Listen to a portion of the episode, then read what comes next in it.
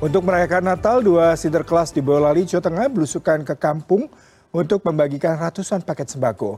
Warga sangat senang karena saat ini harga sembako sedang tinggi.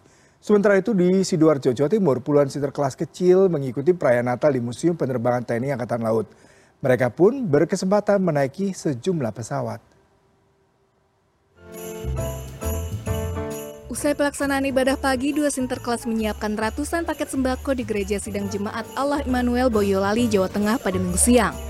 Sembako berisi beras, gula pasir, minyak goreng, serta mie instan, kemudian diangkut dengan mobil pick-up untuk dibagikan ke warga.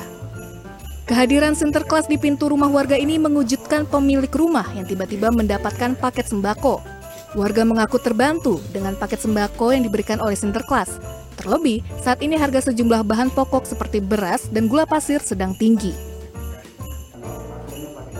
Di Sidoarjo, Jawa Timur, puluhan sinterklas kecil penghuni panti asuhan mengikuti perayaan Natal di Museum Penerbangan TNI Angkatan Laut di kawasan lapangan udara Juanda minggu siang.